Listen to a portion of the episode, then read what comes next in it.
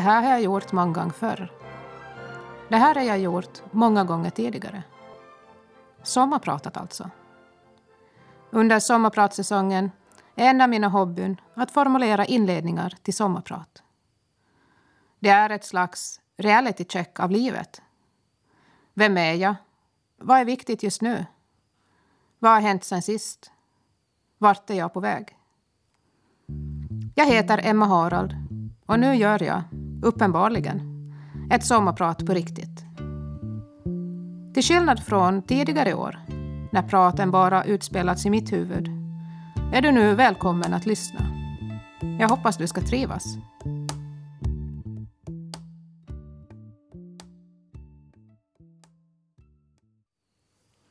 Det här var en polska som finns med på min vän Johanna Lönngrens första skiva. Hon är en tuff typ. För hon har följt sin dröm och livnär sig idag på sin fiol. Det är imponerande, tycker jag. När Felicia på radion ringde och frågade mig om jag vill sommarprata stod jag på min odlingslott i Espholm i södra stan. Jag mockade gammalt ensilage som jag täcker mina land med. Det är ett skitigt jobb. Solen gassade och jag blev glad av samtalet. Jag tänker att vi börjar där, på lotten. Det är lotten med stort L. Det är där jag tillbringar det mesta av min lediga tid. Med att gräva, så, skörda och bara vara. Det är där jag rensar skallen, funderar på livet och hittar lösningar på problem. Jag har odlat grönsaker i tio års tid. Det började med en del av en lott full med kvickrot i Vasa. Det första året var det några jordgubbsplantor, morötter, zucchini och en fantastiskt fin lökskörd. Idag odlar jag och min ex-sambo 300 kvadratmeter. Och vi är helt självförsörjande på en massa grönsaker. Jag köper aldrig. Eller ytterst sällan i alla fall. Vitlök, lök, salladslök, bondbönor, hallon, rabarber, selleri, brytbönor, dill, persilja, basilika, tomat, palsternacka, grönkål, rödbeta. Nu har jag säkert glömt något. Men det är en hel del som lotten levererar. Och tillgång på egna grönsaker gör att man ganska automatiskt äter enligt säsong och vad som finns. Att äta sin egen mat är ren lycka. Men det är inte därför jag odlar. Det är för att grönsaksodlingen ger mig en fast punkt i tillvaron. Den kräver att jag engagerar mig och följer årets rytm. Samtidigt är den tillåtande och kravlös. Den gnäller inte när det blir fel. För allt lyckas ju inte. Första året jag odlade tomater fick vi hela två tomater på två plantor. Båda var drabbade av pistillröta och ingenting som gick att äta. Ibland är det sorken som springer iväg med skörden. Ett år tog den alla vintermorötter, alla bondbönor och alla krusbär. Då blir man lätt ilsken. Det, det kan hända att jag har setts jaga sorken med spade. Den förlorade, åtminstone den gången. Allt som skördas äts inte heller upp. Ibland skördar jag stora mängder och tänker att det här tar jag hand om när jag kommer hem. Det är bara att hacka och frysa in. Visst, några timmar senare när jag sliter mig från lotten är jag trött och gnällig och lämnar skörden innanför dörren. Det händer sig att jag bär den tillbaka någon vecka senare för att placera den på komposten. Så kan det gå. Jag har lyxen att ha råd med sådana förluster. Lotten har lärt mig tålamod genom åren. Att allt inte kan lyckas jämt. Men att det alltid går att försöka på nytt en annan gång. Lotten har lärt mig att glädjas åt det lilla för då finns det väldigt många orsaker att bli glad. Lotten har lärt mig att vänta ut motgångarna. Rätt ofta finns det en lösning på de flesta problem. Och finns det ingen kan man alltid kasta det som misslyckas på komposten. Glömma det och göra något annat. För att ta till en klyscha. Det är inte målet, utan vägen dit som är grejen. Nu blir det lite Roxette. En av mina barndoms favoriter. Hello, fool, on.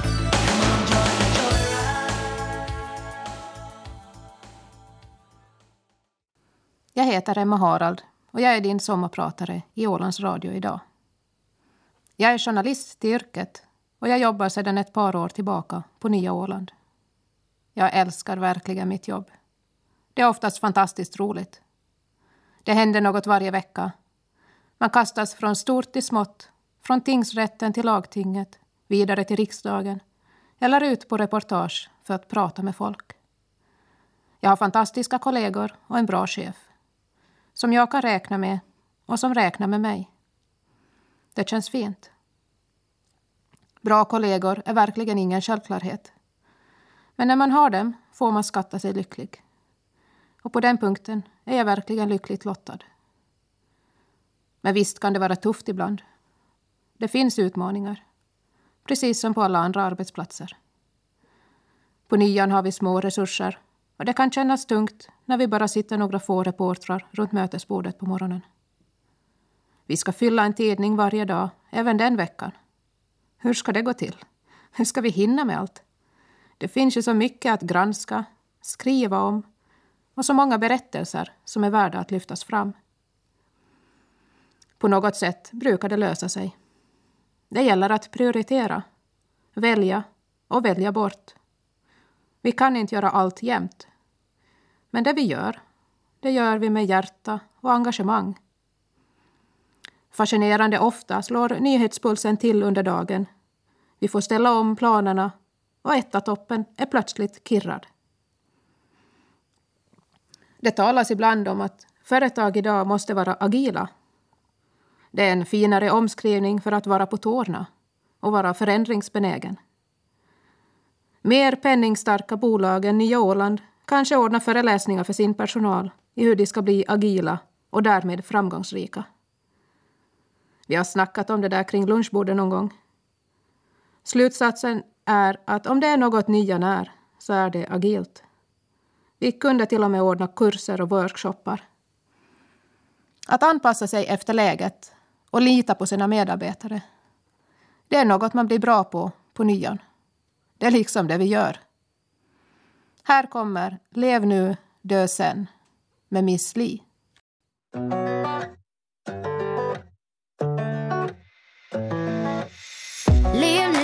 Sen Tänk inte mer på morgondagen även om regnet bara öser Har varit- Musiken jag har valt till mitt sommarprat är dels sånt jag gillar, dels sånt som jag tycker passar. Ni hittar hela listan på Ålands Radios sajt. Jag gillar kvinnor med attityd och det kanske märks i musikvalet. Jag vill också passa på att tacka dem som hjälpt mig med musiken. Ni vet vilka ni är. Jag är född i Pedersöre, i Sundby. Sedan jag flyttade bort som 19-åring har byn blivit som större orter och skaffat sig en slogan. Mitt i Millan städre. Sundby ligger nämligen mitt mellan Nykarleby och Jakobstad i den norra delen av landskapet Österbotten. Den del som ofta kallas Bibelbältet. Sundby är en liten by med egen skola. Det är väl också den enda servicen. Butiken stängde 1990. Det är mest åkrar, skog och Sundbyräton. Alltså raksträckan av landsvägen som går genom byn. Sväng av där och du är i min barndoms hoods. Pedersöre är en landsbygdskommun som ligger utanför Jakobstad. Här tillverkar man Nautors svanbåtar och en av sevärdheterna är Lostein i Porbo. Det är alltså en stor sten man kan klättra upp på. Det är ungefär så häftigt det blir. I Bennes, intill Sursiks skola, alltså mitt tidigare högstadium, ligger numera Anders Wiklöf Arena. Läpplax, därifrån Anders Wiklöf härstammar, ligger längst norrut i kommunen. Ålandskopplingarna finns överallt och som journalist måste man ju passa på att lyfta fram dem. Det var alltså i Sundby jag växte upp med mina föräldrar och min storebror. Senare kom familjens sladdis, min lillebror, till världen. Mina föräldrar är idag båda pensionärer men har arbetat hela livet. Bland annat på fabrik och på posten. Här är det det konkreta, fysiska arbetet, hantverk, handarbete och det hemgjorda. Som egna bär och grönsaker, att klara sig själv som räknas. Det är det som ger poäng och uppskattning. Hela familjen har, nästan så länge jag kommer ihåg, orienterat. Det är familjens gemensamma hobby och IK Falken är fortfarande min hemmaförening. Som barn var det tävlingar nästan varje helg under vår, sommar och höst. Att vara igång, röra på sig, var självklart och naturen den självklara platsen att göra det på. Orientering är verkligen den bästa sporten i världen. Man kan delta på sina egna villkor och man måste inte tävla med andra. Att spika en svår kontroll är alltid ett sant nöje. Att springa över berget, ha kartan passad och veta exakt var man befinner sig. Att se stenen på håll och veta att där, där bakom, kommer skärmen att finnas. Man känner sig som ett med naturen. Det är bara att stämpla, checka kartan och flyga vidare över ris och sten mot nästa kontroll. Eller ja, flåsande jogga vidare kanske. Men i tanken, ja, där flyger jag fram. När jag nu under sommaren besökte mina föräldrar ordnade IK Falken årets orienteringstävling i min hemmaskog i Sundby. Min lillebror, som är lantmätare och kartritare, stod för kartan. Och jag är stolt stora syster. Att få vara en kugge i ett föreningsliv, trots att man är utflyttad, är en ynnest. Att se allt från osäkra 8-9-åringar som får hjälp runt banan av sina föräldrar till 80-åringar som självsäkert beger sig ut i skogen på jakt efter kontroller. Sådan kan ju inte annat än göra en glad. När jag som barn inte orienterade lekte jag med mina kaniner eller testade om jag kunde hoppa över bäcken utan att bli blöt om fötterna. En annan rolig sysselsättning var att på vårarna, när den plöjda åkern ännu var riktigt våt och lerig, se om det gick att gina över den utan att fastna i leran med stövlarna. Ibland lyckades jag, ibland inte.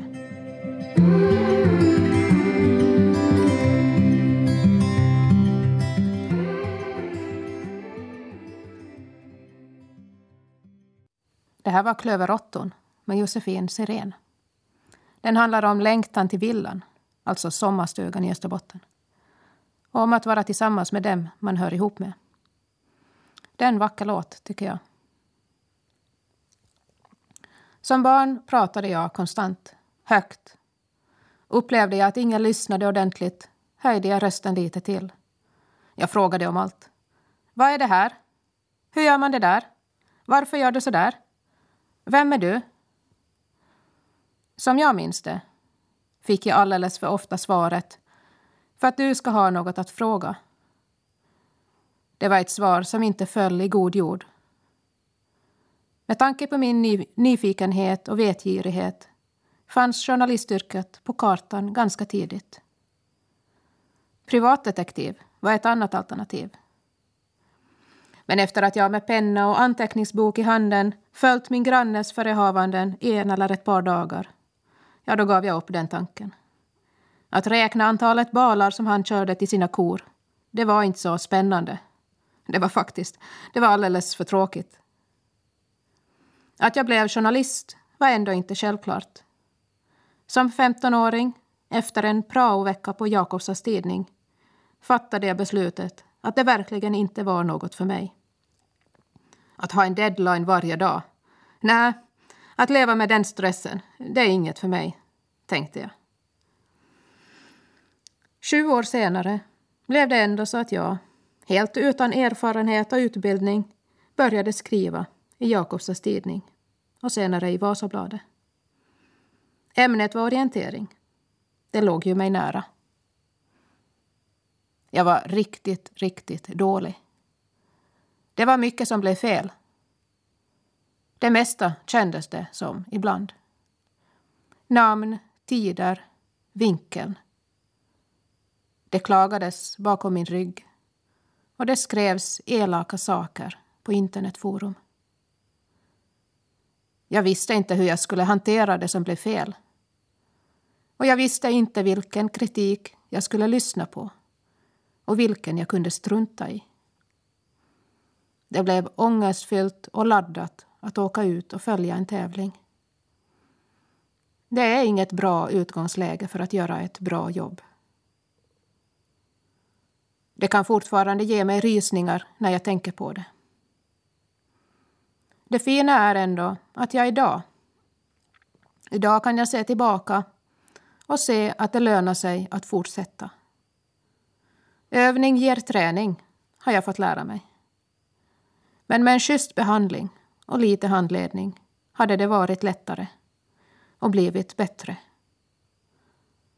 Här kommer en låt av Hanna som rappar på nerpesiska. Näst sist heter låten.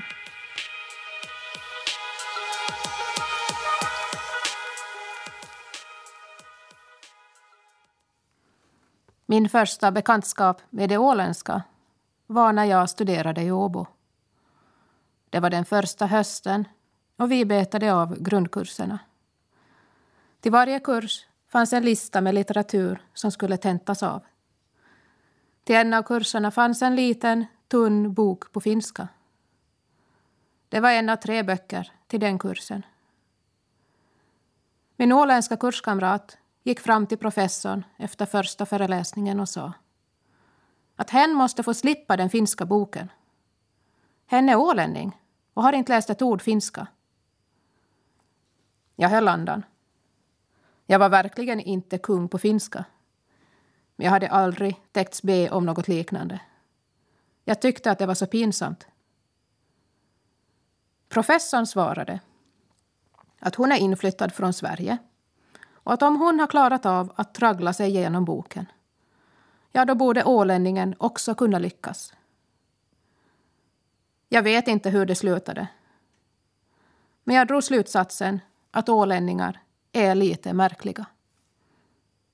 Innan ni nu blir upprörda, tänk då på att man i Finland ofta ser på Åland som en del av Svenskfinland.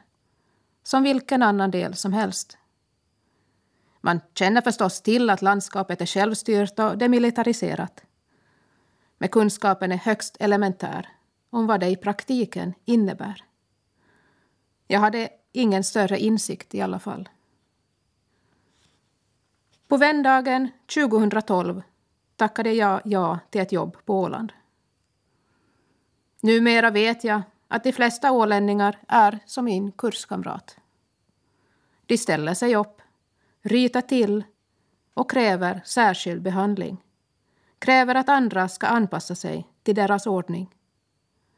Jag kan ibland fortfarande tycka att det är lite pinsamt när det händer.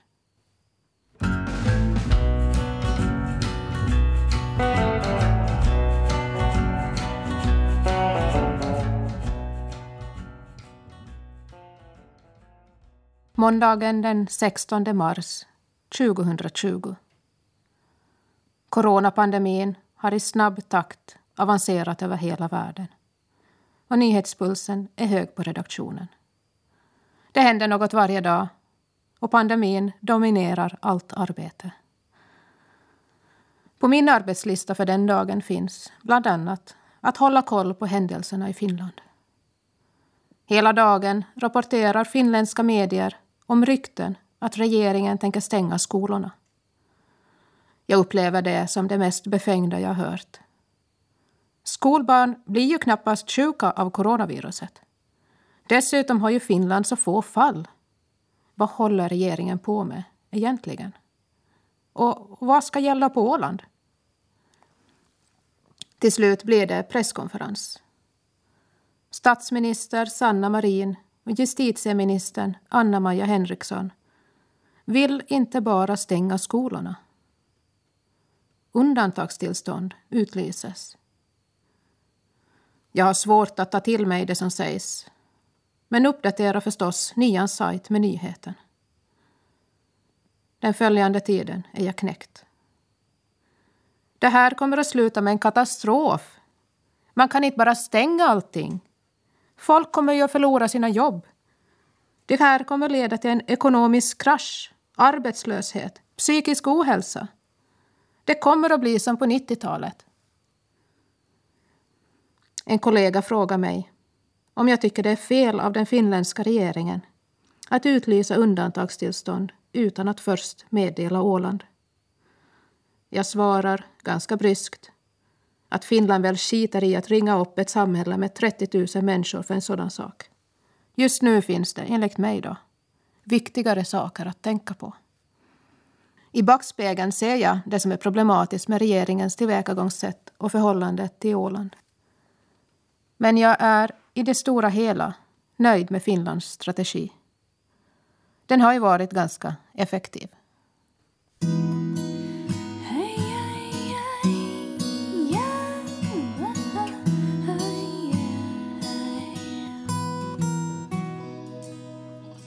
Jag började skolan hösten 1990. Alltså samtidigt som den stora ekonomiska nedgången, den jag kallar laman, slog till mot Finland. Den som orsakade massarbetslöshet, konkurser, bankkrasch, som splittrade familjer, som gjorde att folks hem såldes av bankerna, som orsakade långa brödköer, höjda skatter och inbesparingar på skola, sjukvård och stor del av all samhällsservice. Det gick aldrig någon större nöd på mig. Jag gick verkligen inte hungrig eller ens med trasiga skor. När jag behövde något fanns det pengar till det. Men långvarig arbetslöshet går inte spårlöst förbi. När ens hem säljs påverkar det en, ens familj. Barn uppfattar mer än man tror. Och ovisshet sätter djupa spår. Det var de här spåren jag återkom till under de där hektiska veckorna i våras när samhället stängde. Jag tänkte på vilka konsekvenser det här kommer att få för dagens barn. Och jag tänkte på hur Laman format mig till den jag är idag. Det var ett slag i magen. Min slutsats just då, under de väldigt intensiva veckorna i mars, april och maj, var att det skulle bli illa hur man än gjorde. Att inte stänga hade antagligen orsakat en mycket stor belastning på sjukvården, med många döda. Att stänga kommer på lång sikt leda till ekonomisk recession, vilket i sin tur innebär stort lidande och kanske även det, många döda. Jag vet ju att självmordsstatistiken för Finland på 90-talet var något i hästväg. I've never seen a diamond in the flesh. I cut my teeth on wedding rings in the movies. And I'm not proud of my. Jag heter Emma Harald och jag är din sommarpratare idag. Jag brukar formulera inledningar till sommarprat ibland. Det här är en variant. Min enda uppgift var att sitta på stolen och bara finnas där. Men det gick inte. Den där gröttallriken som jag bett att få till middag i sjukhushotellets restaurang någon timme tidigare levde runt i magen på mig. Det var lukten som gjorde det. Att andas genom munnen hjälpte lite. Men jag svettades och flackade med blicken. Till slut gav jag efter. Det fanns inget alternativ. Gröten forsade upp och jag hann knappt fram till handfatet i sjukrummet. I sängen låg min bror. Intill satt min mamma. Båda blev förskräckta. Cancer luktar. Eller loftar, som jag helst säger det. Och starka lukter får mig att spy. Det är sju år och snart fem månader sedan min storebror gick bort. Han blev 33 år, en månad och sju dagar gammal. Han dog i cancer. Och när vi var där, på sjukrummet i Tammerfors, hade han en knapp månad kvar av livet. Några dagar tidigare hade han drabbats av en akut störtblödning. Och tack vare ren tur råkade han då befinna sig på sjukhuset i Jakobstad. Han klarade den första och även den andra blödningen. Och nu var han i Tammerfors för att experterna skulle lista ut vad de skulle göra. Trots att det var palliativ vård som gällde gjorde den finländska vården allt vad den kunde för att förlänga hans liv. Ambulansfärder, undersökningar, intensivvård. En vecka på universitetssjukhuset i Tammerfors. Till slut gick läkarna in genom ljumsken i den blodåder som cancern trängt igenom och täppte till den. När risken för fler blödningar var åtgärdad fick han återvända hem och vi hann träffas några gånger till. Vägen hem var mycket lång och ingen har jag mött. Nu blir kväll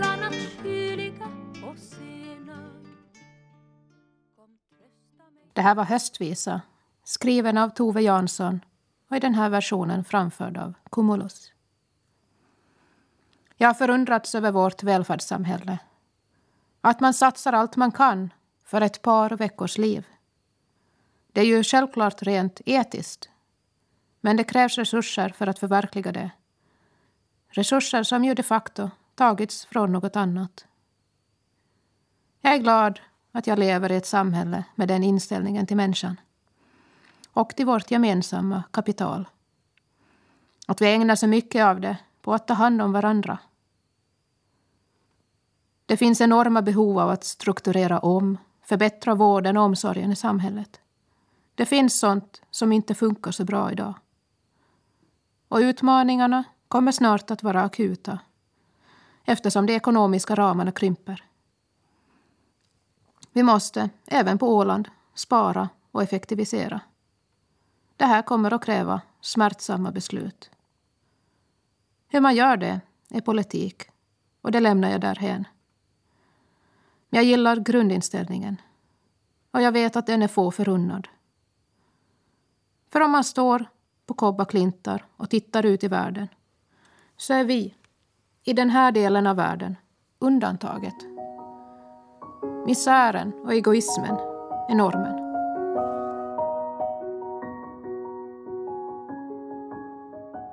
I mitt yrke som journalist är språket rätt viktigt. Inte alls det viktigaste, men relevant. Jag måste ju skriva så att folk förstår. Men det är inget som har kommit av sig själv. Mina föräldrar fick ta den treåriga Emma till logopeden innan jag började prata.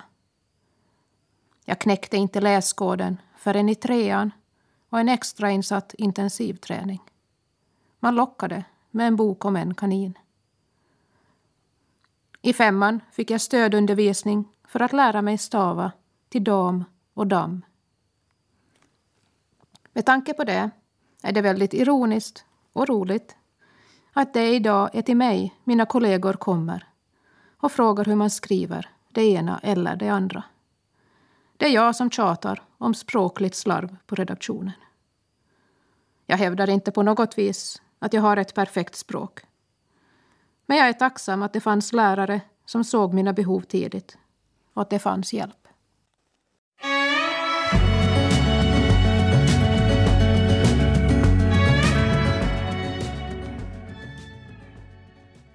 Du lyssnar till mig, Emma Harald, som sommarpratar i Ålands Radio idag.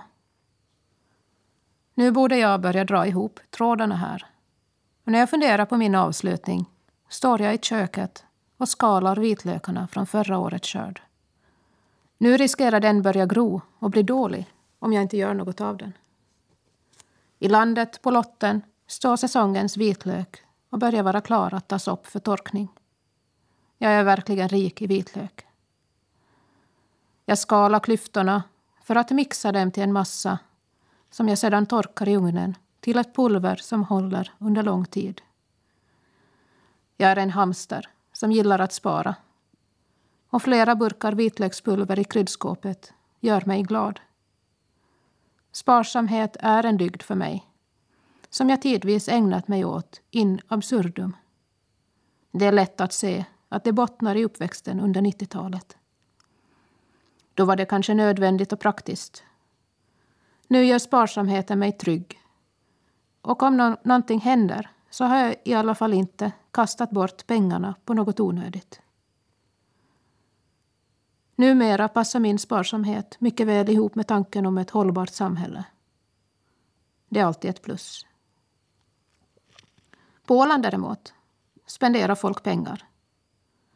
Av den främsta orsaken att det finns pengar att spendera. Det kan provocera mig ibland. Den där påkostade lyxen smakar ofta illa i min mun. Nu vill jag för tydlighets skull lägga till att folk, förstås, får göra vad de vill med sina slantar. Det är inte det. Pengarna gör också att välfärden är stor och att välfärdssamhället fungerar. Coronapandemin har satt mycket i gungning. Men jag hoppas att Åland och Finland hålla hårt i tanken på att samhället i stort vinner på att klyftorna i samhället hålls åt det mindre hållet. Jag hoppas att det, trots de sparkrav som ligger framför oss, ska finnas resurser till extra stöd för den som behöver det i skolan. Att den som vill studera ska ha möjlighet till det, oberoende av vad ens föräldrar tjänar. Att det ska finnas god vård, även för den som inte längre kan ge något tillbaka. Att det finns skyddsnät som kan mildra fallet när pressen blir för stor. Det är sådant som gjort att jag har det liv jag har idag och som jag är tacksam för.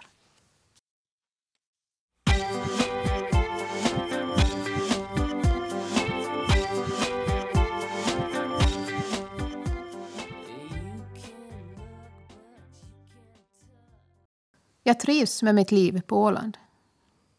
Men det finns fenomen som är svåra att finna sig i och det finns sådant jag saknar. Att fira svenska dagen. Den totala uppslutningen inför stafettkarnevalen. Mässommarsbjörkan, alltså björkarna vid entrén under midsommar. Att sjunga in våren och sätta en mössa på en staty på Vappen. I början av december får jag hålla mig från att läxa upp de som åker till Sverige och shoppar på självständighetsdagen. I min värld är det respektlöst och otänkbart. Jag har en vän som från början är rikssvensk och vi brukar diskutera identitet och Åland. Vi har formulerat det så här. Det är en större förändring att flytta från Österbotten till Åland än att flytta från Sverige till Åland. Det är mer som skiljer mellan Österbotten och Åland än mellan Sverige och Åland. Inte praktiskt, men idémässigt. Jag har försökt göra min läxa och tack vare mitt jobb har jag lärt mig en del av Ålands historia. Jag känner till det mest grundläggande om självstyrelsen och kan utan problem hålla en kort, eller till och med en ganska lång, föreläsning om det nya ekonomiska systemet och hur det kommit till. Om det någonsin behövs. Jag har numera hembygdsrätt. Men jag kallar mig normalt inte ålänning. Eller jo, det har hänt en gång. Det var när jag var trött och hjärnan inte längre orkade med att formulera meningar på finska. Jag var i Helsingfors och tog genvägen till att säga Jag är ålänning, kan du prata svenska? när jag behövde service. Det funkade. Annars presenterar jag mig som att jag är bosatt på Åland. Det är det som känns mest sant. Ibland gör det att jag känner mig utanför. Men vissheten om att det på Åland finns många som jag gör det lättare. Dessutom så ger det mig utrymme att både skratta och i hemlighet peka finger åt Åland när någon gör något som jag tycker är pallar. Det är väldigt bekvämt. Utmaningen för mig, och kanske många av alla andra som är inflyttade från fastlandet, är att jag ju är finländare i grunden. Som finländare räknar man med Åland som en del av Finland. Medan Åland och ålänningarna räknar sig som ett eget folk. som ser med stor skepsis på finländarna. Det finns en konflikt. Det är svårt att ta avstånd från finländaren i mig och bli så där skeptisk till fastlandet som ålänningarna är. För i så fall riskerar jag bli helt utan identitet. För hur jag än gör kommer jag aldrig att bli en infödd ålänning.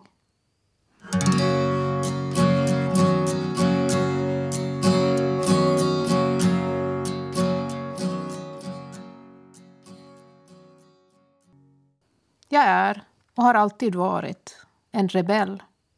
Jag tycker inte om när någon säger åt mig vad jag ska göra. Omfattar jag inte uppgiften så kanske den blir ogjord. Jag har ställt mig upp och sagt så där kan man inte göra, du har fel. I sammanhang där jag personligen hade vunnit på att hålla tyst. Ibland ångrar jag mig bittert. Alla strider är inte värda att ta. Men ibland är jag också stolt över mig själv när jag vågat ställa mig upp och säga vad jag tycker. Och kanske påverka till rätt riktning. Ibland hjälper det inte. Men då är jag åtminstone viss om att jag försökte försvara det jag upplever som rätt. Jag högaktar Ålands kamp för sin självstyrelse och att man ställer sig upp och kräver sin rätt. Jag tycker det är riktigt och viktigt. Ingen annan kommer att göra det för Åland. Jag är med på det här i teorin, åtminstone. Men praktiken? Ja, den får jag fortsätta öva på. Jag heter Emma Harald och jag har varit din sommarpratare idag. Tack för att du har lyssnat.